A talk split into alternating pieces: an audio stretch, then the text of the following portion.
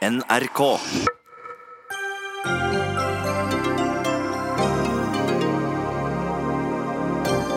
Nordkapp-samfunnet er blitt bedratt i sju år, sier ordføreren. Sterke reaksjoner på at Equinor dropper ilandføring av olje og gass fra Johan Castberg-feltet.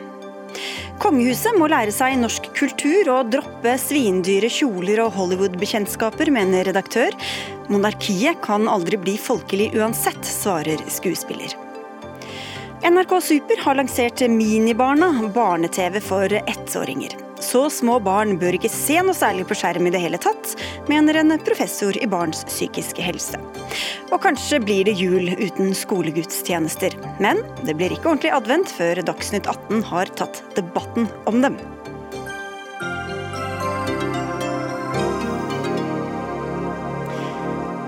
Da gjør vi det i dag.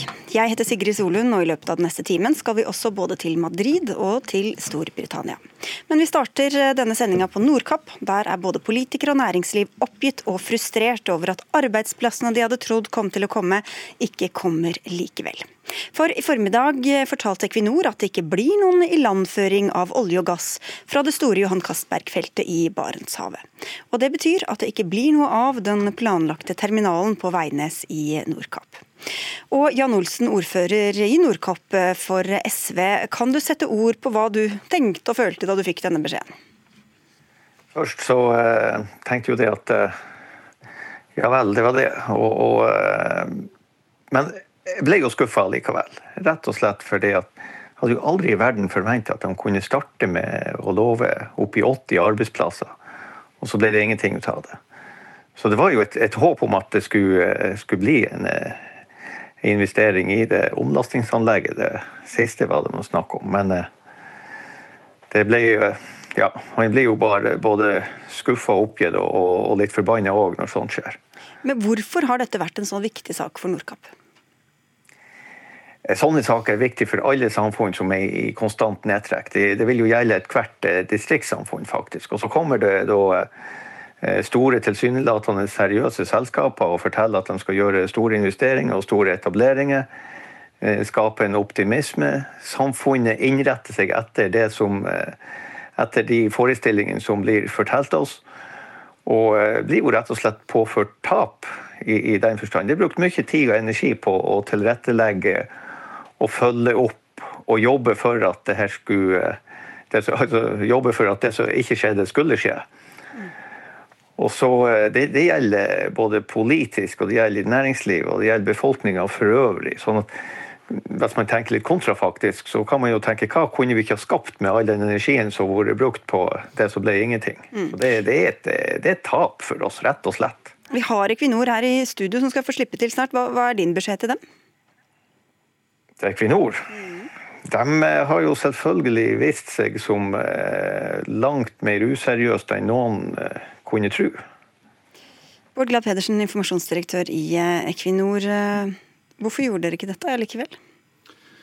Det er fordi at kostnaden blir altfor stor. Og, men jeg har jo veldig stor forståelse for at det er skuffelse, og for det som det gis inntrykk av. Og jeg har lyst til å si at Vi har jo også ønska å få til en terminalløsning, uh, og vi har jobba knallhardt uh, for å få til det. Men når kostnaden blir 3,6 milliarder ved å gjøre det, så er det ikke mulig for oss som selskap å gjøre det. Det er ikke mulig for det partnerskapet som også Vår Energi og Petoro er med i. Og, og, Derfor så har vi derfor måttet konstatert at det, det, får vi ikke til. Men det var altså sånn i 2013 at daværende Statoils konserndirektør eh, på norsk sokkel sto foran TV-kameraer og pekte og forklarte hvordan dette anlegget skulle bli. Hva er det dere ikke kunne vite da som dere vet nå, som gjør at dere da legger alt dette i skuffen? Vi var med å skape forventninger, det, det, er det ikke noe å tvile om. og Det er jo med på at skuffelsen blir så stor, og, og også for uh, vår del. Men verden har endra seg ganske mye siden da. Uh, uh, altså Langt inn i 2014 så var oljeprisen 100-120 dollar. Så rast den raskt og mye til under 30 dollar i starten av 2016, før den har steget litt igjen. I tillegg så var det sånn at vi trodde at etter å ha gjort to funn, at det var mulig å gjøre flere funn funn i samme område, og det har vi ikke gjort. Så Prisene har gått mye ned, ressursene har gått mye ned. Så det konseptet som vi hadde for uh, Johan Castberg, det var det ikke mulig å bygge. Det kosta over 100 milliarder kroner, og det krevde en oljepris på 80 dollar per fat for at det skulle gå i null. Og det var helt, så... Dere kunne overhodet ikke se for dere at oljeprisen skulle synke på dette tidspunktet? Det var det mange som ikke forutså, at den skulle dette så mye, så fort. og Det fikk konsekvenser for prosjekter i hele verden. Eh, eh, og i alle, alle våre prosjekter, også Castberg. Så Da hadde man i realiteten to muligheter. Enten gi opp, ikke få til Castberg, eh, eller å finne på en annen løsning som var billigere og som kunne være verdiskapende. Og det lykkes vi med. Så Det er jo det som gjør at vi i det hele tatt klarer å bygge ut et prosjekt. Og så skjønner jeg selvfølgelig at det er skuffelse over at vi ikke får til den ilandføringa. Men jeg har likevel lyst til å si at det er et prosjekt som skaper veldig store ringvirkninger for hele det norske samfunnet, ikke minst i Nord-Norge og ikke minst i, eh, i, Finnmark. Så selv om det er skuffelse over at vi ikke får til terminal, så, så må vi se at, at, det skaper ringvirkninger eh, også i nord. Men til dette her, da, hvor det var eh, du sa opp mot 80 arbeidsplasser som var lovet, eller i hvert fall forhåpninger om. Men Olsen, altså det ble for dyrt. Hvorfor skal et kommersielt selskap som altså opererer i en konkurransesituasjon, gjøre noe som rett og slett ikke lønner seg? Det lønte seg faktisk det de presenterte i mars 2018 med landføringsterminal. Det visste jo at det var bedriftsøkonomisk lønnsomt å ilandføre også. Så, men det var, ikke, det var, mer lønnsomt å la være. Og Det er da vi må se på fordelinga av eh, verdien av ressursene. De, det som eh, Equinor framstiller som en kostnad, det er jo selvfølgelig en verdi for eh, samfunnet her i Nordkapp og Finnmark. Jo, men Skal de, ta, skal de betale for det? Ja, selvfølgelig, for det går jo til det norske samfunnet likevel. For det Motargumentet er jo det at det går inn til det blir ringvirkning, og det går inn til samfunnet for øvrig. Sist jeg så på kartet, så var jo både Nordkapp og Finnmark fortsatt i Norge og en del av det norske samfunnet. Sånn at i bunn og grunn så det er et eh, nullsumspill og et spørsmål om fordeling av hvor henne man skal eh, plassere virkningen av verdiene. Ikke bare de her eh, flott omtalte ringvirkningene som man må se godt etter for å oppdage. Og ser man på folketallsutvikling og de generelle tingene der, så er de jo negative, de ringvirkningene. Og det er ikke et hvilket som helst selskap ja, Du kan få slippe til, men, men, hvis jeg bare får la, la Borgla Pedersen svare her. Altså, dere er ikke et hvilket som helst selskap heller? Nei, det, det, er vi ikke. Og vi ønsker jo at vår virksomhet skal være med å skape uh, ringvirkninger. Men det er klart at vi er også et selskap som må ta forretningsmessige, fornuftige beslutninger. Og I dette partnerskapet så er det jo vi, Vår Energi, som også er et kommersielt selskap, og også Petoro, som er myndighetenes selskap, der også de har et mandat om at de skal skape størst mulig verdi, også for samfunnet. Kostnaden ved dette er 3,6 milliarder, for i størrelsesorden 50 stillinger, kanskje noe mer. Altså, så det er 50, 60, Men vil dere fortsatt gått i pluss? Pluss? Altså, Johan Castberg har en break-even-pris på, på ca. 35 eh, dollar. Men dette prosjektet har en merkostnad på 3,6 milliarder kroner, som er tap for oss som selskap, selvfølgelig, men også for uh, samfunnet. Og så uh, har jeg lyst til å si at når det gjelder dette med å La, la Glad Pedersen bare få fullføre, fullføre setningen. Glad Pedersen. Også. Ja, bare si det om de ringvirkningene som har lett etter. Altså Bare i Nord-Norge så vil man i driftsfasen få 470 stillinger som følge av Johan Castberg-utbygginga. 265 av de i Finnmark og Nord-Troms, og i utbyggingsfasen så er det tre ganger så mye. Så dette er et prosjekt som gir store ringvirkninger. En terminal kunne gitt i størrelsesorden 50 stillinger til, men da er altså kostnaden 60-70 millioner per stilling, og det kan ikke okay, kort, kort om det, Olsen, så skal vi ta inn noen flere mennesker her også. Det, er også, det, er den vanlige tonen som kommer fra dem, fra dem som ikke vil eh, legge igjen noe der med å hente ut ressursene. Det er vi som tar risikoen. Det, det er vårt økosystem og våre naturverdier som settes på spill i, her, eh, i denne utvinninga. Eh, det her er jo det, det er ganske sånn, det overrasker meg så mye at For det kommer jo til, rett og slett til å det var kanskje vel et skifte i stemninga om oljevirksomhet i Barentshavet, den avgjørelsen som nå har skjedd. Og det skjedde akkurat det samme med Goliat. At det har funka etter samme oppskrifter når det gjelder Johan Castberg, det, det har for så vidt overraska meg lenge, men at det skulle bli helt på samme måten, det hadde jeg ikke trodd. Vi kan komme litt tilbake til det, men vi skal til en annen pressemelding som kom eh, rett etter altså Blekket var knapt nok tørt på pressemeldinga fra Equinor før Arbeiderpartiet sendte ut en egen med overskriften 'Regjeringen svikter folk i Finnmark'. Bjørnar Skjæran, du er nestleder i Arbeiderpartiet. Helt konkret, hva er det du mener at regjeringa burde gjort for å få en annen utgang på dette? Først så vil jeg jo si at Det er bra at Castberg bygges ut, eh, og at de ringvirkningene som kommer, eh, kommer på plass. Ja, men, og at vi eh, feltet skaffer de inntektene til fellesskapet. Ja, Men her har vi altså en regjering som har et stortingsvedtak å styre på, men som ikke legger to pinner i kors for å skape de ringvirkningene som man har hatt forventninger om i nord. Det er veldig uklokt. Og jeg tenker at det å, det å skrinlegge landføringen til Veidnes er veldig uklokt i den tida vi lever i. Næringa trenger venner særlig i nord, og det handler om å bygge samfunn og ikke bare hente ut verdier. Ja, men Hva er, hva er det som er regjeringas ansvar her, som dere da skyter på?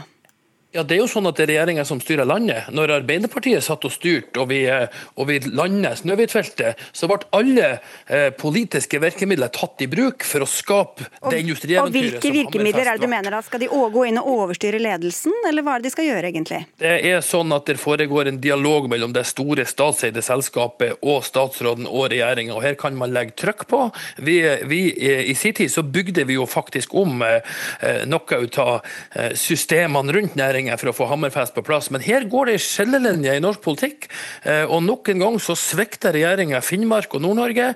Det handler om at man ikke har en industripolitikk. Det er et elendig politisk håndverk. Og jeg hører jo at det er så mye skuffe høyrefolk i nord eh, at jeg knapt skjønner hvordan de holder ut. Ok, men Da skal vi til deg, Stefan Heggelund. Du sitter på Stortinget for, eh, for Høyre. Hvorfor har ikke regjeringa vært mer aktive her, da? Kan jeg bare si, eh, Det vi hørte nå fra Arbeiderpartiet, det er det reneste skjæresprøyt. Vi eh, sto sammen, regjeringspartiene og Arbeiderpartiet, da vi behandlet eh, Castberg-saken. Jeg er også i likhet med Arbeiderpartiet da selvfølgelig glad for at Castberg blir noe av. Så sto vi sammen i de merknadene om den saken hvor vi sendte kraftige politiske signaler om at vi mente at Equinor burde holde sitt løfte. Der har vi stått sammen, regjeringspartiene og Arbeiderpartiet.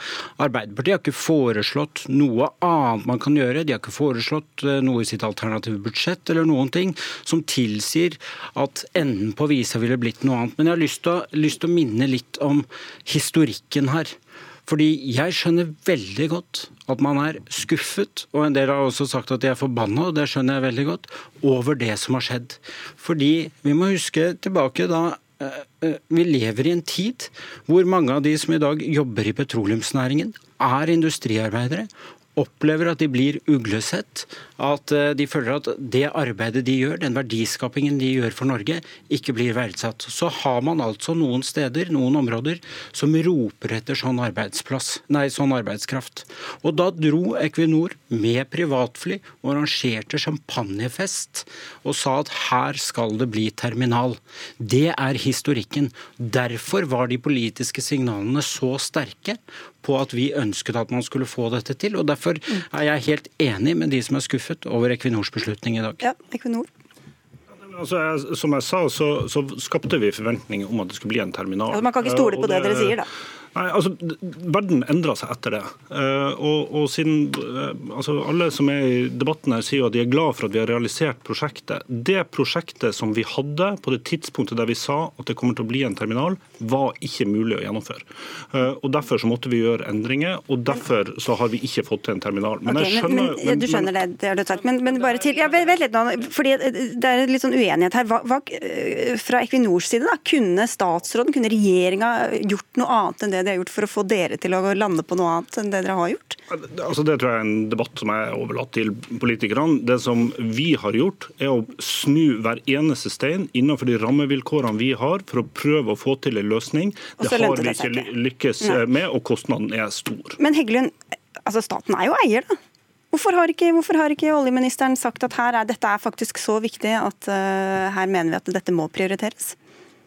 Det er riktig det, men altså for det første så har de vært politiske signalene både fra regjering og storting vært helt klare. For det andre så snakker vi om et børsnotert selskap. og Da er det slik at hvis man skal drive profesjonell eierskapsstyring, så går man ikke inn og overstyrer et børsnotert selskap. Dit kommer aldri Høyre til å gå. Men la meg bare si Det er fire måter dette i teorien kunne ha skjedd på. Det ene er at Equinor holdt løftet sitt. Det burde de jo gjort, men det er den ene måten det kunne skjedd på. Det andre er at staten kunne gått inn og vært deleier i investeringene. Det ville vært en brudd på hele måten vi, vi driver både subsidier, statlige investeringer på i Norge i dag. Arbeiderpartiet har heller aldri foreslått at man skulle gjort noe sånt. Det tredje man kunne gjort, var at man kunne endret petroleumsloven, slik at skipstrafikken som driver med transport, ble inkludert i den loven. Men det ville hatt store konsekvenser for annen skipstrafikk på sokkelen, så det ville ikke vært fornuftig, og det tror jeg heller ikke Arbeiderpartiet er for. Og det fjerde man kan gjøre, da, det er jo da det siste alternativet da Arbeiderpartiet står igjen med, det er at man skal inn kaste styret i Equinor, sette inn et nytt styre med et klart mandat om dette. Det har SV tidligere foreslått at man skal gjøre sånne grep. Da har Arbeiderpartiet og Høyre sammen stemt mot, for det er ikke sånn man driver profesjonelt eierskap. Og det men, gjør, programleder, ja, at utspillet til Arbeiderpartiet i dag er et useriøst spill for okay, galleriet. Men da skal vi høre med Skjæran, da. Er det noen av disse alternativene som du så for deg at, eh, at burde ha vært eh, gjennomført? Jeg syns det er trist å høre på Heggelund når han går løs på denne måten. Altså, Vi har utfordra statsråden gang på gang i Stortinget. Vi har foreslått spleiselag, områdeløsning for å få ned kostnadene. Ingen initiativ er tatt, ingen resultater. Eh, norsk oljevirksomhet den har vært en suksess fordi vi har hatt en politikk som har stilt krav til industrien. Det har gitt oss en fantastisk næring som er blant de beste i verden. Vi er verdensmester. Men hva betyr det å, stille, å stille krav? Hva betyr det i denne sammenheng? Jo, for, at, for, du kunne også funnet en løsning som handler om en nedskalert variant av en landføring, som kunne gitt mulighet for senere. For det som skjer nå, det er at Stortingets vedtak blir vanskelig oppfylt. Stortinget har sagt at ved, ved senest ved neste funn så skal man ha en ilandføring. Når man nå tillater en investering som går i feil retning, så blir det vanskeligere å få, på, å få på plass. Og Høyre har jo ikke vært på initiativ i det her. Det var jo vi som pressa det her fram i Stortinget. Det hadde aldri skjedd eh, hvis ikke det hadde vært før men, KrF. Men du, nei, nei, men, hør nå, nå skal jeg ha Vent litt, vent litt Heggelund. Heggelund må, ja, jeg skal stille et spørsmål, Heggelund. Nå må du oppføre deg litt ordentlig her. Um, det står, du, du, snakker om denne stortingsbehandlingen, Skjæran, men der var det også sånn at SV hadde et forslag om at man skulle sette krav om ilandføring da dette var oppe i Stortinget. Det stemte dere mot, og det stemte Høyre mot. Hvordan kan dere da sitte i dag og si at eh, man skal bruke alle politiske virkemidler for å sørge for denne landføringa? Jo, men det er jo sånn at Vi driver ikke med stortingsregjereri. Det er, det er sånn i Norge som i andre land at det er regjeringen som styrer på oppdrag fra Stortinget. Eh, og Vi lager en åpning som gjorde at det skulle være mulig å drive politisk håndverk i det her. Vi har, det vi har er en minister og en regjering som, som har en passiv tilnærming til de oppdragene de får i Stortinget. Da ender vi ut sånn som vi er nå. Eh, og Det gjør at det sitter en landsdel og lokalsamfunn som bare må konstatere at det finnes ikke ikke drahjelp å få fra denne regjeringa. Det føyer seg egentlig inn i rekke, sånn som Høyre og Frp har sett på oljepolitikken fra tidenes morgen. For det skulle bare overlates til andre, man skulle ikke ha politisk styring. Men, Det er jo den politiske okay. styringa som har gjort at vi Svar kort på det, så har jeg et spørsmål til. Ja. Altså, jeg har gått gjennom de fire måtene dette kunne ha skjedd på. Arbeiderpartiet har aldri foreslått at man skal gjøre noen av de tingene. Det er helt riktig som programlederen påpeker. Vi stemte sammen mot det du kaller stortingsregjereri, nettopp nettopp fordi at det er ikke sånn vi har drevet petroleumspolitikk i Norge. Mm. Og Da må du nesten ta ansvar for det du har vært med på, den avtalen du har vært med på. og som begge, du har vært med på, da, og, og som nå sitter og kritiserer ja, Equinor for at de kommer til Ja, og Vi er begge skuffet over den beslutningen Equinor har tatt. Jeg skjønner at de må gjøre sine beregninger, men jeg tror de foregner seg i en tid der petroleumsnæringen møter så mye press, okay, og men... næringen faktisk et av de viktigste, altså En av de viktigste grunnene til at næringen fortsatt har sterk legitimitet, er at den bidrar til arbeidsplasser i hele landet. Og Derfor så mener jeg at Equinor i denne eh, forbindelse har nok foregnet okay, men det er Et veldig kort eh, svar prøv å få fra deg også, Heggelund. fordi Det er jo arbeidsplasser også som er et veldig viktig argument. Vi hørte fra, fra Nordkapp andre plasser her, bl.a. i Lofoten og Vesterålen blir det også brukt som argument. Hva gjør det med troverdigheten til dette argumentet, når vi ser også hva som skjer nå eh, på dette feltet? Nei, men Det er jo det som var mitt poeng nå. Nettopp at fordi petroleumsnæringen opplever press fra flere flere hold, så er det siste man trenger at det blir jo, men sådd Det betyr at man ikke kan stole på at man, at man skal få arbeidsplasser andre steder heller? Så er det siste man trenger at det blir sådd tvil når det er lovet eh, arbeidsplasser, eh, og de ikke kommer.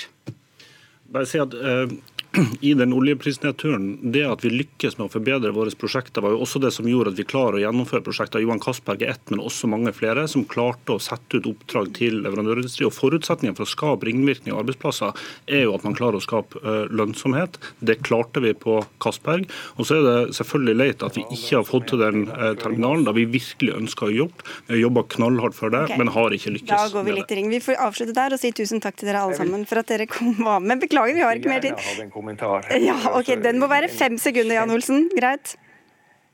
Altså, Norge styres jo av Stortinget, som gjør vedtak. Hadde det vært satt et premiss om at det skulle være ilandføring, så hadde ja. det blitt ilandføring. Det var de imot, alle de andre her i debatten. Og det var vi innom. Takk skal du ha, Jan Olsen, ordfører i Nordkapp fra SV, Bjørnar Skjæran fra Arbeiderpartiet, hvor du er nestleder, Stefan Heggelund, som sitter på Stortinget for Høyre, og til informasjonsdirektør i Equinor, Bård Glad Pedersen. Dagsnytt 18 alle hverdager kl 18.00 på NRK P2 og NRK2.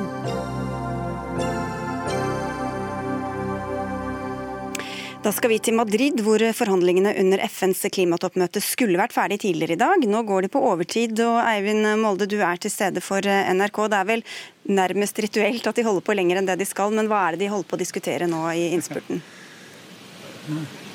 Ja, det er nesten uh, rituelt. Men nå er det intense diskusjoner rundt om i møterommene her, fordi at det er faktisk stor avstand mellom partene, som det heter. Altså, Her er mange land ikke sant, som skal bli sammen, det er nesten 200 land. Og det ser litt vanskelig ut eh, akkurat nå. Det er flere punkt som fremdeles er uavklart. Mm. Og det, Noe av det det har vært snakk om, er jo også hvem som skal betale for disse klimaendringene. Hva ligger på bordet der? Ja, Det ligger jo ikke nok på bordet, iallfall. Og det ligger heller ikke eh, tekst på bordet som er slik at landene kan eh, akseptere det. Fordi at eh, penger er jo en veldig viktig del. altså Finansiering, økonomi, er en veldig viktig del av disse forhandlingene. Det har det vært i årevis, og det er det ikke minst denne gangen her. Og det handler altså først og fremst om hvordan rike land kan hjelpe de fattige landene.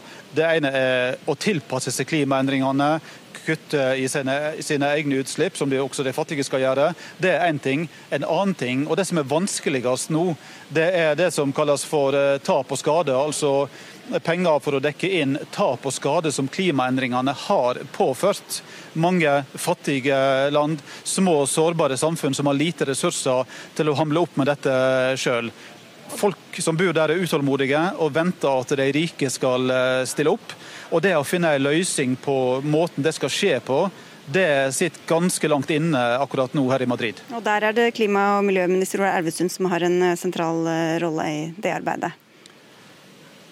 Det stemmer. Han fikk det oppdraget eh, sammen med Grenada å styre den prosessen. Og Da vi var på, en, på et pressemøte med Elvestuen nå for noen få timer siden, så fortalte han at han hadde holdt det gående til klokka tre i natt.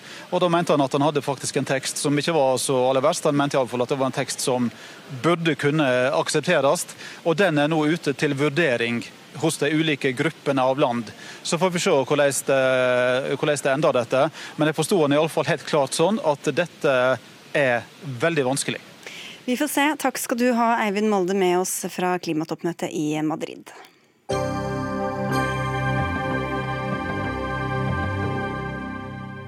Snart skal vi diskutere et tema som gir mange foreldre dårlig samvittighet, nemlig hvor mye og hva slags skjermbruk vi kan tillate for de minste barna. Men først noe ganske annet. Kronprinsesse Mette-Marits omgang med den avdøde overgrepsdømte milliardæren Jeffrey Epstein har satt fart i flere debatter, bl.a. den om hvem medlemmer av kongehuset egentlig bør omgås, og hvordan de kongelige opptrer.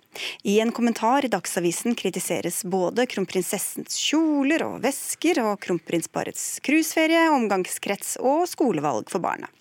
Men du skriver i den samme avisa at det ikke er dette som er problemet med skuespiller Rebekka Gynge. Hvorfor mener du at dette er et sidespor? Eh, det er eh, Det toucher på overflaten av problemet.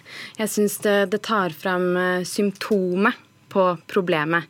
Så det er ikke liksom direkte feil, men hvis vi først skal begynne å snakke om eh, symboleffekten, da, som jeg tror er Lars West Johnsen sitt poeng også, så syns jeg at vi kan grave mye dypere enn, en hva de har på seg og hvem de møter. Ja, for du, du, ønsker deg en monarkidebatt, og så sier du at denne kommer litt i veien for den. Hvordan, hvordan gjør den det? Ja, eh, På en måte så gir den meg jo egentlig en, en mulighet til å ta det opp. Eh, men det, det er jo en, eh, noe som kommer opp med jevne mellomrom denne kritikken av hvor mye penger eh, Mette-Marit bruker på skoene sine, hvor dyr kjole hun har. Og, og hvis man først skal begynne å snakke om um, kostnader, så, så, er jo hele kongehuset en gigantisk utgiftspost. Uh, så, så, det er liksom gjentagende, den, den, kritikken. Og kunne det ikke vært litt mer interessant om vi hadde en litt mer prinsipiell uh, diskusjon hvor vi graver litt dypere i, uh, i problemet med monarkiet? I den prinsipielle diskusjonen er dere jo egentlig helt enige, Lars West Johnsen. Ja. Du er politisk redaktør i Dagsavisen, og dere er altså ikke monarkister, noen av dere. Men det var din kommentar eh, hun reagerte på. Men hvorfor spiller det egentlig noen rolle da hvem kronprinsparet omgås, og hva veska til kronprinsessen koster? Eh, kongehuset i Norge har en veldig unik posisjon. Det er helt annerledes enn i Sverige, i Danmark og i England. Eh, vi valgte dem hit vi brakte dem hit i 1905. Eh, den samfunnskontrakten som kongehuset og det norske folk har, er helt unik.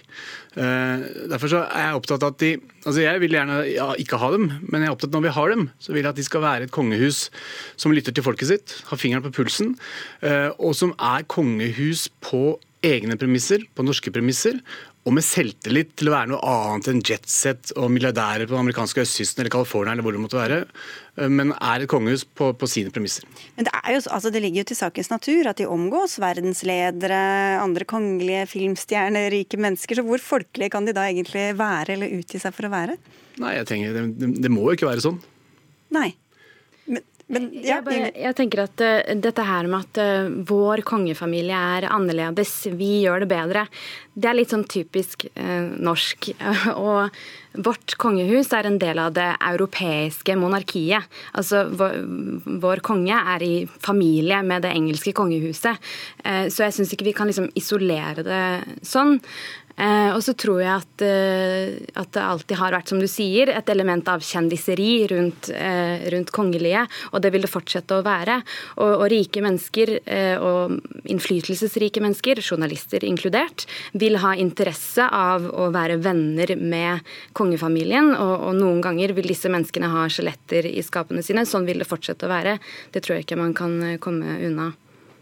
Ja, jeg tror det er et unikt tillitsforhold mellom norske folk og kongehuset. Vi er glad i kongehuset vårt. Eh, eh, Håkon sto fram som kommunistenes konge på 20-tallet. De gjorde alt riktig under krigen. De kunne gjort noe galt, men de gjorde alt rett. De kom tilbake som helter og nasjonsbyggere. Eh, vi fulgte to enkekonger. Begge var aleine. Det utvikla seg en unik nærhet mellom dette folket og dette kongehuset.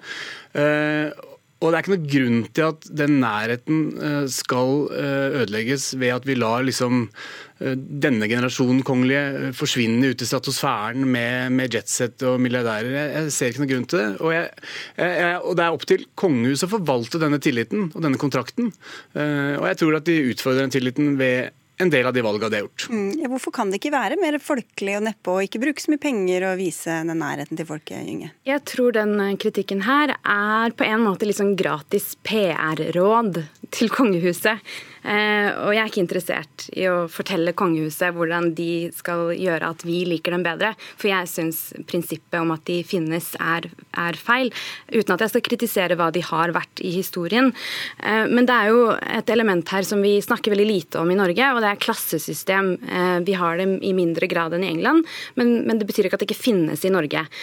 Monarkiet representerer og er i aller høyeste grad en del av overklassen. Og, og uansett hvor hvordan de kler eller ter seg, så, så vil det være overklassen eh, de tilhører. Så å, å, være folkelig eller gi uttrykk for å være folkelig, det blir falskt, da? Eller? Ja, jeg, jeg mener det er eh, imagebygging. Det er eh, PR, det er markedsføring. Eh, og selvfølgelig må de gjøre det for å overleve, men, men det, det, betyr ikke at de ikke tilhører overklassen. Mm.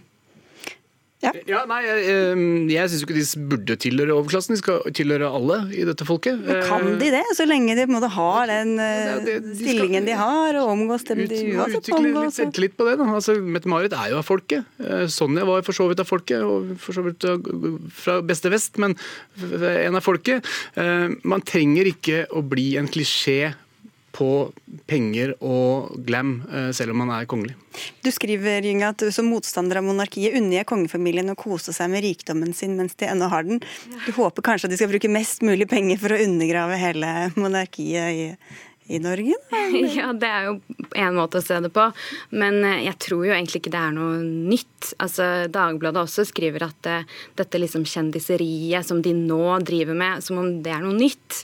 Uh, kongefamilien har jo alltid vært kjendiser og omgått kjendiser i Norge og i andre, i andre land. jeg sier jo det selvfølgelig med et glimt i øyet, det at de skal nyte rikdommen sin. Det er jo et element av underholdning for oss vanlige å, å se på det også. men jeg mener at de i kraft av å være seg selv tilhører overklassen. Og og så er det jo noe med at det forventes jo av en kronprinsesse at hun skal ha eksklusive klær. Prinsesse Diana var jo moteikon samtidig som hun liksom var folkets prinsesse. Så jeg tror jo ikke det er der problemet ligger. Det er et politisk aspekt her også. fordi Den sterkeste politiske trenden i Norge de siste ti årene er kanskje et sånn eh, by, land og folk mot eliten. Eh, jeg tror ikke det er lurt av kongehuset da å eh, strekke seg mot enda mer elite. Litt gratis PR-råd der altså. Takk skal dere ha begge to, Lars Wess Johnsen fra Dagsavisen og skuespiller Rebekka Gynge.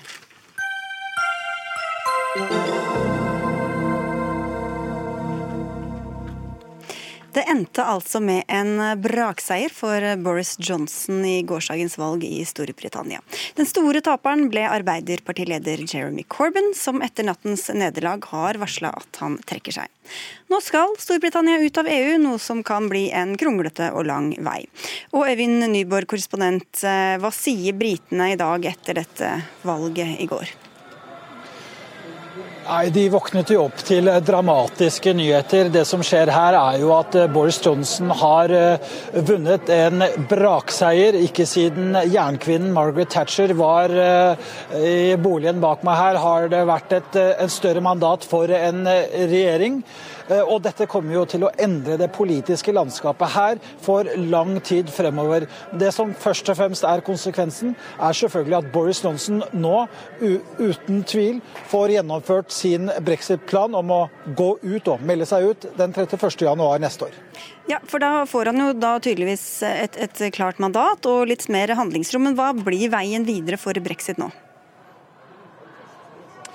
Ja, I denne valgkampen så jo, har jo han uh, sagt at se å få brexit unnagjort. Det har på en måte vært mantraet, men det han har glemt å si, det er at uh, eh, 31.1 er egentlig bare starten på en overgangsfase. Starten på en ny tung forhandling eh, med EU, og EU er allerede ute og advarer om at dette kom, kom, kan komme til å bli langvarige forhandlinger. Og særlig også hvis britene ønsker seg en omfattende, detaljrik eh, avtale. Og da eh, kan det hende at de må skyve på fristen, som er 31.12, og skuffe mange gjennom det. Mm. Takk skal du ha, korrespondent Øyvind Nyborg. Nasnin Khan Østrem, du er mange titler her. Britisk statsborger, forfatter, forlagsredaktør, statsviter, journalist og samfunnsdebattant mot bosatt i Oslo. Og du forventet vel som alle andre en seier for de konservative, men hadde du venta et sånt skred som vi så i går? Nei, det må jeg ærlig talt innrømme at det hadde jeg ikke ventet. Jeg hadde håp, jeg visste jo at han kom til å vinne, eh, men jeg hadde håpet han skulle bli noe vingeklippet. Nå har han et voldsomt handlingsrom, så det blir veldig interessant å se om han får gjennomført eh, alle løftene han har kommet med gjennom valgkampen. Hva sier dine britiske venner i dag om hva som venter? Nei, altså De fleste um, vennene mine er jo uh, store fans av uh, The Labour Party, så de er jo ganske hjerteknust. Men jeg har også noen venner som tilhører venstresiden, som har ganske, um, altså som jeg pleier å si, holdt for nesen og stemt for, for uh, Boris Johnson, nettopp for å få Storbritannia um, ut, altså get Brexit done. Mm. Yngve um, Kvistad, du er europakommentator i, i VG. Altså, det var veldig få da, som stemte på Arbeiderpartiet her. Var, var, det bare taktisk, eller hva var grunnen til det? Det var nok noe taktikkeri utavgikk, men Uh, Labour-leder Corbyn har jo blitt en sånn uh, figur for uh, skal si, Han har blitt oppfatta som veldig sånn usympatisk. Han har problemer med å nå gjennom med sitt budskap. Han blir betrakta som fullstendig uvalgbar. det var jo også en situasjon her nå før valget hvor da hans forgjenger som, som Labour-leder altså Eh, Tony Blair gikk ut og nærmest eh, advarte mot å stemme på eget parti. Sånn, så han har jo virkelig fått en skyllebøtte både fra sine egne og, og selvfølgelig fra velgerne. Men Hva skjer da med det britiske Arbeiderpartiet nå? Det er jo det store spørsmålet. da. Altså, han hadde jo en gyllen anledning til å ta ansvar og trekke seg i natt. Det gjorde han ikke. Han kom med en litt sånn ullen greie om at han i hvert fall ikke skulle stille til valg neste gang, da, et nytt parlamentsvalg. Det er jo så for fem år til, da, og da er han jo også 75 år, så det har jo grunn ligget i korta uansett at det har han jo aldri tenkt å gjøre. da. Men, mm. men ja, jeg tenker at Det er egentlig på mange måter veldig synd at uh, Labour Party har um, altså tapt, tapt, så mye under dette valget. For de hadde jo en, egentlig en veldig sympatisk manifest, hvor de, hvor de, satset mye på grønne investeringer, hvor de ville hjelpe de svake. Det var veldig snakk om at hvis du stemte Labour, så stemte du med hjertet ditt. Um, så, men brexit-spørsmålet har jo fått ramme inn hele dette valget, så vi kan jo diskutere hvorvidt dette var et reelt valg um, på mange nivåer. For hadde, hadde, ikke brexit vært der som et slags uh, spøkelse, så kanskje hadde folk tenkt annerledes, og kanskje eh, valgskredet ikke hadde vært så vanvittig stort for, eh, for de konservative. Ja, for Brexit har jo åpenbart vært veldig viktig for mange velgere, men hva slags, når, når det på en måte kommer litt i bakgrunnen, hva slags politikk er det som skal føres da i Storbritannia de, de nærmeste årene? Hva vet vi om det? Altså, jeg vet jo at uh, Boris Johnson har jo sagt at han ønsker å satse f.eks. på helsevesenet. Han har lovet 50 000 flere sykepleiere i NHS. Um, han ønsker masse mer politi. Priti Patel, som er innenriksminister, hun har jo sagt at hun vil ha at, at The Tories er et lov og orden-parti. Så vi vil se et samfunn som er veldig preget av slike strømninger. Eh, men eh, under valgkampen så har eh, politikere, eller politiske kommentatorer sett på disse påstandene om at de skal investere så mye i helsevesenet, og det er ingen steder står det helt konkret når dette skal skje, og hvor mye penger som egentlig er lovet. Mm. Ja, og Hun skal bygge 4000 nye sykehus, bl.a. ett i sin egen valgkrets, kunne fortelle i morgentimene i, i dag. Eh, Boris Johnson eh, altså Det er jo veldig uklart hva slags type politikk han vil føre. for Han har jo ikke egentlig gitt noe særlig inntrykk av det. Eneste indikasjonen er jo at han har utnevnt en masse eh, på ytre, nei, ikke ytre høyre, men på den harde, militante, euroskeptiske sida som nye statsråder i regjeringa si. og det, Dette er jo delvis også sånn nythatcherister og nyliberalister sånn som, som gjerne vil ta angivelig da, landet tilbake til Thatchers økonomi og, og økonomiske reformer og osv. Jeg tror kanskje ikke at det blir tilfellet. fordi at eh, sånn som situasjonen er nå, så vet jo Boris Johnson at han har veldig mange eh, velgere til låns. Det sa han faktisk noe om på Eh, i sin tale i dag tidlig, og eh, rett og slett på en litt sånn sympatisk måte. Han, han forsto det at her var det veldig mange som nok hadde eh, stemt på han pga. brexit, og at de kanskje ville stemme på et annet parti senere. Og Dette er også en gruppe som man er nødt til å ta hensyn til i, i, det, i det videre. sånn at ja, han kan bli nødt til å ta hensyn til den militante høyresida i sitt eget parti videre, men samtidig, den moderate Eh, velgergruppen som nå har støtta han, er større. og han, Jeg tror at han blir nødt til å ta hensyn til, til de. Da. Høres ut som en litt vanskelig balansegang ja, mange av skulle tilfredsstille. Det, det, tror jeg definitivt. Men jeg tror altså, du ser jo at eh, pundet styrket seg veldig i forbindelse med Hvem var det? Eh, pundet, ja. Ja, pundet, ja. Unnskyld. Ja, pundet styrket seg veldig nå pga. det som skjedde. Og jeg tror at du kommer til å se et Storbritannia som kommer til å bli en voldsom dynamisk faktor i, i internasjonal økonomi. Og jeg tror deres posisjon kommer til å styrke seg. Og det har vært mye spekulasjoner om London London kommer til å forsvinne som, som eh, finanskapital, og jeg tror London kommer til å styrke seg og, og forbli eh, verdens navle eh, rent økonomisk. Jeg tror ikke det blir den flukten fra The City som veldig mange hadde spådd pga. brexit. Så Englands posisjon som, en, på en måte som et imperie kommer, kommer til å forbli, tror jeg, under Boris Johnson. og Det blir veldig spennende å følge med på. Men så har du Kvisa, vært og reist til Skottland også, som jo er en, en viktig brikke her. Hva, hva ser du for deg der? Nei, altså, Det skotske nasjonalistpartiet SNP fikk jo en veldig boost da i, i valget. De gikk jo fram uh, veldig i forhold til siste valg. Uh, da gikk de noe tilbake igjen sammenlignet med det før det igjen. Men uh, Nicola Sturgeon, som er da første, skotsk førsteminister og leder for SNP, hun oppfatter jo dette som et mandat til å gå videre med ny folkeavstemning om, om løsrivelse fra, fra, Storbritannia.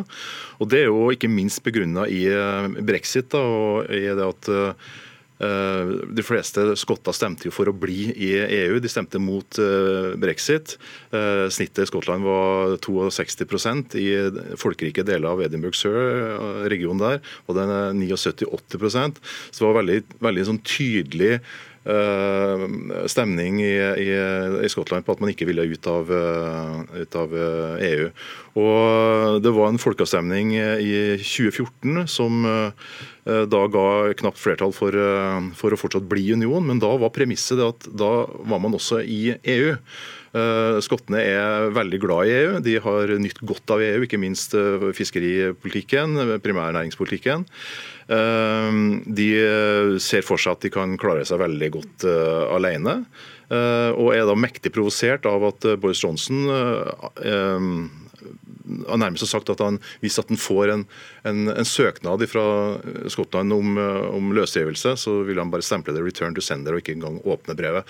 Sånn at Med den holdningen så har han bare fyra opp den, den nasjonalistbevegelsen ytterligere. Og, man kan ha god forståelse for ja. at han må ta den posisjonen også. Han, fordi vi kan ikke ha et Storbritannia som rives i stykker. Han, han, er selvfølgelig nødt til å ta den posisjonen, og han vil også selvfølgelig gjøre det han kan for å unngå at det blir en ny eh, folkeavstemning. Men, jo, men liksom dynamikken dette, jo mer han kjemper imot, jo mer vil det koke uh, i, i, Skottland. Samtidig er jo ledelsen i SNP det er jo, det er jo altså, relativt moderate folk. De vil gjerne at det her skal gå forhandlingsveien, og at man skal uh, ikke, ikke drive aksjonisme. Eh, men samtidig så det er klart de, sånn som i går og i natt, så var Surgeon og andre også fyra veldig opp under den der løsrivelsesideen. Mm. Sånn at jeg tror nok at det er, det, er en, det er, nok den kanskje største saken som kommer til å prege nyhetsbildet framover i lang, lang tid. Og Da må Boris Johnson skaffe seg noen andre venner som han må knytte seg nærmere, bl.a. Donald Trump og USA, kan Østrem?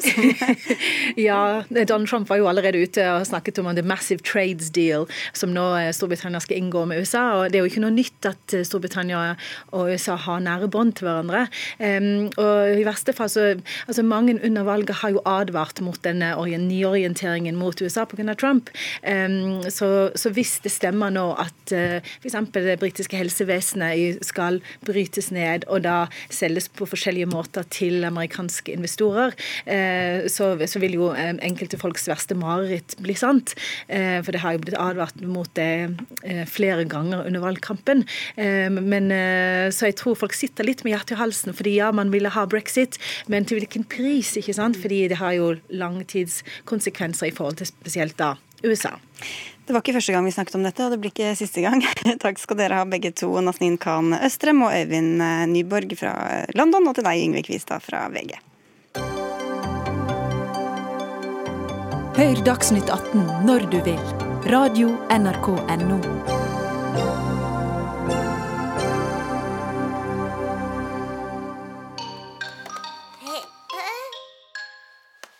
Hei, Fantis. Hei, Fantis! Se der! Ja, minibarna kommer. En liten smakebit fra det NRK Super lanserte denne onsdagen. Minibarna, et program for ettåringer. Programmet viser småbarn som leker, og Fantorangens yngre søsken Fantus, som følger barna gjennom det hele. Men ikke alle som er like begeistra. Professor emeritus i barn og unges psykiske helse, Willy Tore Mørk, du sier til Dagbladet at så små barn egentlig ikke bør se noe særlig på, på TV i det hele tatt. Hva synes du om denne satsinga fra NRK? Ja, nei, Jeg er enig med meg sjøl i at så små barn bør ikke se noe særlig på TV. Eh, men så har jeg også lyst til å si at satsingen Jeg har jo sett noen av disse episodene, og det er jo veldig bra lagd. Og det er jo slik at det passer jo fint til ettåringer det som foregår på TV-en der, det er det ettåringer ofte gjør. Så jeg, tenker at uh, dette er noe som kanskje foreldrene bør se på, for da får de gode ideer til å leke sammen med ungene sine. Men ikke barna alene? Helst ikke. Jeg tror ikke det. Jeg tror ikke eh, stillesitting foran en TV og se på dette har de effektene som, som, NRK håper det har.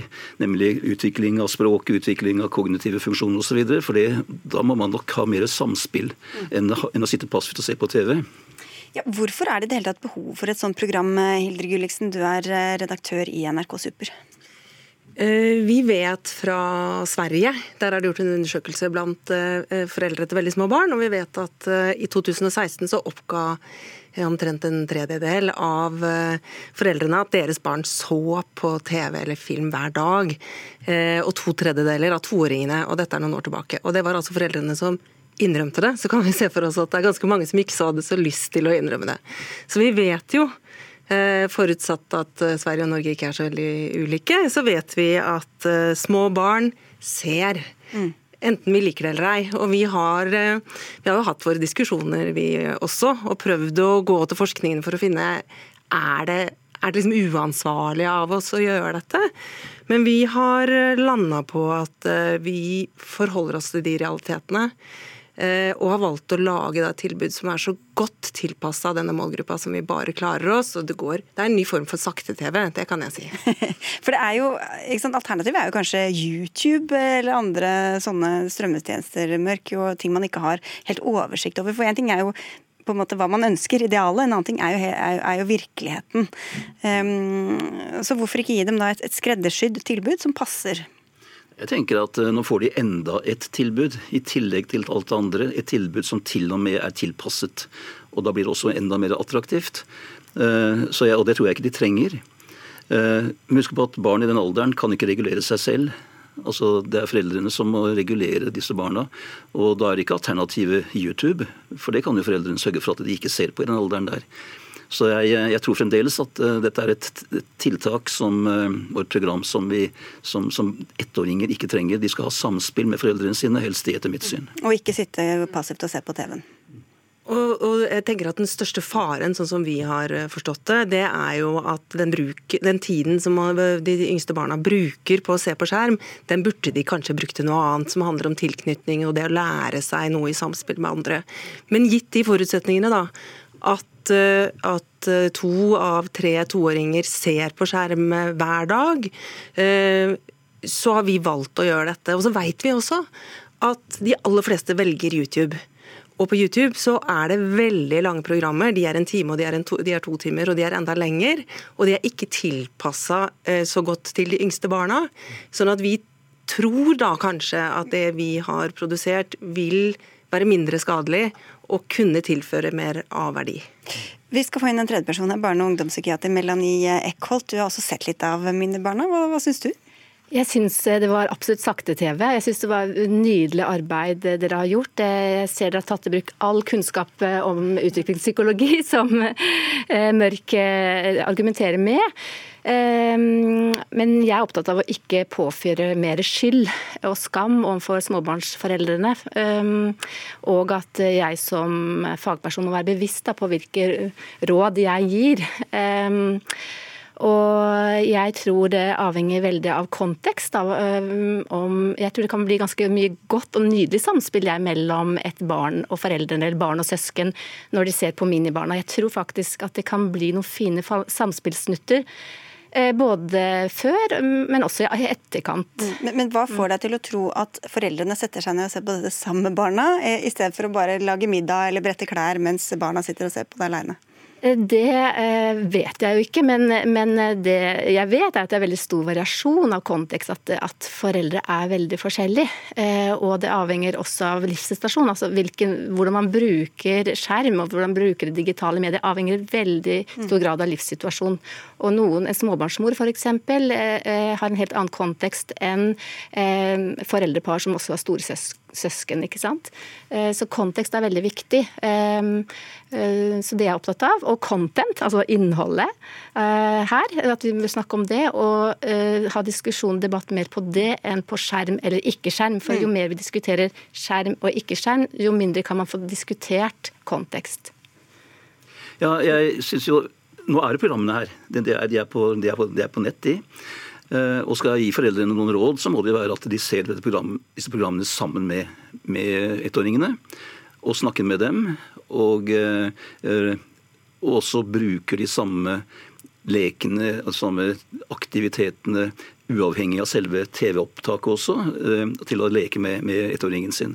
Og kan det brukes på den måten, så er det klart er det er en god idébank til foreldre som ikke, kanskje ikke er så lett bestandig å, å, å vite du skal leke, hvordan du skal leke med en ettåring. Men, men, tror du at det kan være liksom, en litt lettvint altså, Nå kan vi sette dem foran skjermen med god samvittighet, i stedet for å sitte med den litt vonde følelsen eh, når de sitter og ser på dinosaurer på koreansk eh, YouTube? Ja, ikke sant. Altså, er, for jeg tror nemlig at det er veldig fort gjort å, å bruke dette som en barnevakt. Uh, og det, det, bør, det, bør, det ikke gjøres. Altså. Jeg tenker da at uh, nettopp foreldre ved å se dette her vil skjønne kvaliteten, og de vil kunne bli mye mer opptatt av innhold og kvalitet. Innhold, så jeg tenker Når de ser dette her som er gullstandarden, så vil de kunne være mye mer kritisk overfor YouTube, og de vil se at det, Eh, tempo f.eks., som har mye å si i forhold til oppmerksomhet, vil være helt annerledes på dårlige YouTube-programmer. Og de vil da kunne se at nei, dette vil ikke jeg tilby til mine barn. Og så vil de bli tydeligere i valgene sine når de ser et så godt alternativ. Så jeg tror det vil hjelpe foreldre til å si mer nei til dårlig kvalitet, og si mer ja til bedre kvalitet. Så jeg syns det er et veldig flott program. Det er et tilleggspunkt, syns jeg, og det er jo at eh, når, man, når, så lite barn får så mye visuelle stimuli, altså synsstimuli og også hørselsstimuli, eh, så vet vi at det, det aktiverer det vi kaller belønningssenteret i hjernen. Og det produserer dopamin, som det heter. Altså det er jo eh, kroppens eget rusmiddel. Og det er jo den, den, den, Sjansen for at det er med på å lage avhengighet, er ganske stor. Vi vet jo også hvordan avhengig vi selv er, av, er av, av telefonen. Vi greier ikke å legge den fra oss engang, av samme grunn. De blir avhengig av minibarna. Ja, og da tenker jeg at det er mer den, alkohol, men den kroppslige rytmen som er der, eller en rytme som er mye roligere, tenker jeg går direkte på kroppen og, og, og regulerer ned stress. Og et godt eksempel på nettopp uh, ikke-avhengighetsskapende, mm. tenker jeg, program. Så jeg tror at det, her er det mer de fysiske rytmesystemene, hvor du ser hvor de, dere avslutter med en nydelig uh, nattasang. Jeg tenker Da bruker dere Bruce Perrys sine teorier i forhold til stressregulering og rytmer. Så jeg eh, tenker bruker andre typer teorier da enn mørk mm. her. Ja. Eh, det blir mye rosa av NRK Super her, da. Det er jo for så vidt hyggelig. For dere har, dere har, virkelig gått i forskningen og sett hva disse barna trenger og hva de vil ha, eller? Ja, det er jo ikke så lett å spørre dem hva de vil ha, men, men vi har i hvert fall gått til forskningen og lært om utviklingspsykologi og prøvd å gjøre så godt vi kan i å lage noe som ikke Eh, eh, fremmer den, de, de dopaminreaksjonene som du snakker om, men som ikke heller øker stresset, men som er rolig, og som er gode kontraster og ett element av gangen og sakte klipperytme og alt dette. ok, Så får moralen være at man skal sette seg ned og se på sammen med de minste barna, og så er ikke alltid virkeligheten strekker til, men uh, sånn er det for mange. Takk skal dere ha, i hvert fall alle tre. Barnepsykolog Willy Tore Mørk, Hildre Gulliksen fra NRK Super og Melanie Eckholt, som altså er barne- og ungdomspsykiater.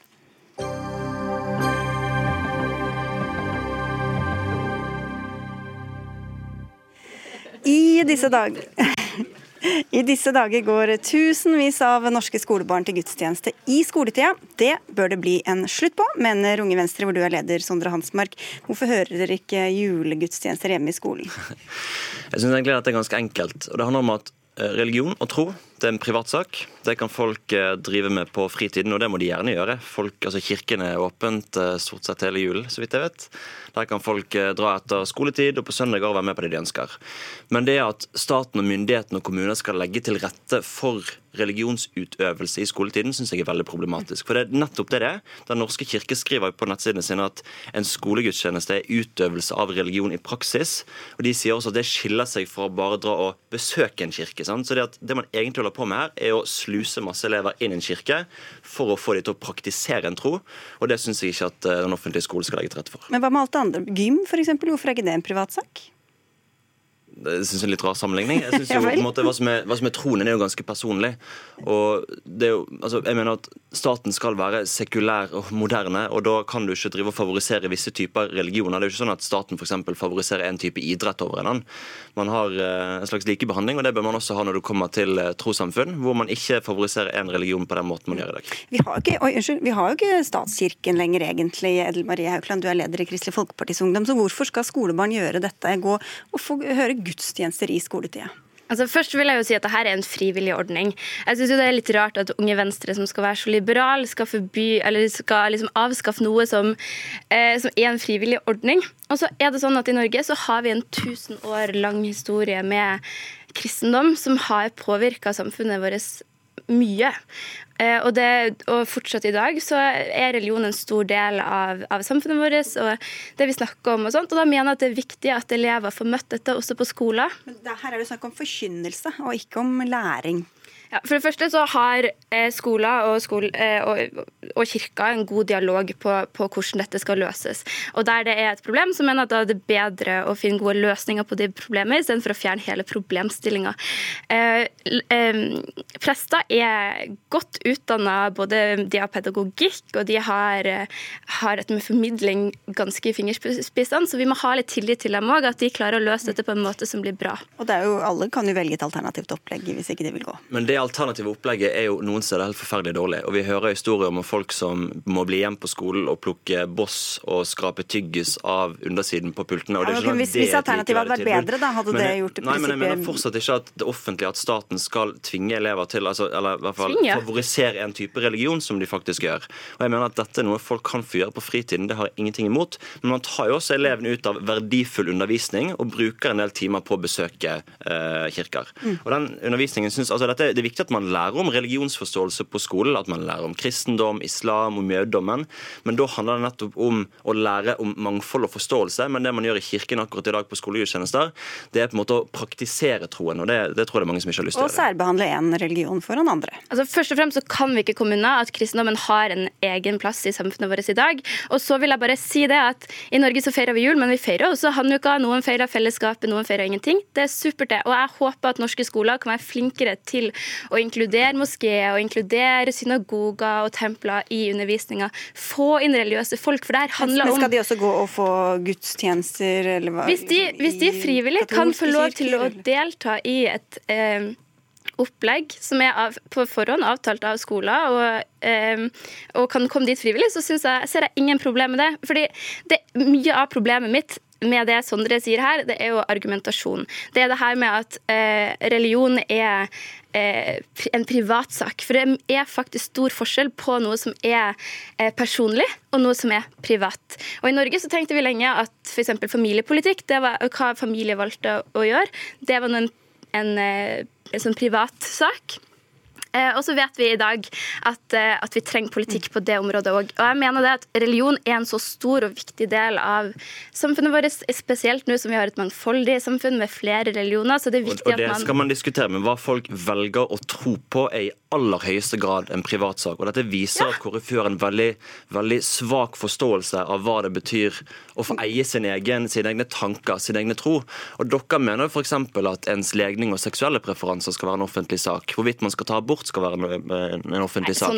Mens vi mener at dette er ting som tilhører individet. sant? Og vi kan ikke vi kan ikke bestemme på vegne av alle norske elever hvilken religion man skal eh, tilby gjennom det norske skoleverket. Det er nettopp det man gjør i dag, men, men når det, man bare tilbyr å besøke Men det er jo også, en, som ble nevnt her, en lang tradisjon. Det er kultur, det er, det er tradisjon å gå, å gå, i kirken. Du trenger jo ikke å være kristen for om du blir med på en eh, gudstjeneste i Nei, og derfor, derfor, kan skolene gjerne tilby å besøke kirker, og det har jeg ingenting imot. Men det man gjør via skolegudstjenestene, som Den norske kirke også er ganske tydelig på, er at dette skiller seg fra å besøke kirkelokalet. Det kan man gjerne gjøre. Man kan reise reise rundt moskeer, synagoger og kirker og se på hvordan de gjør det der.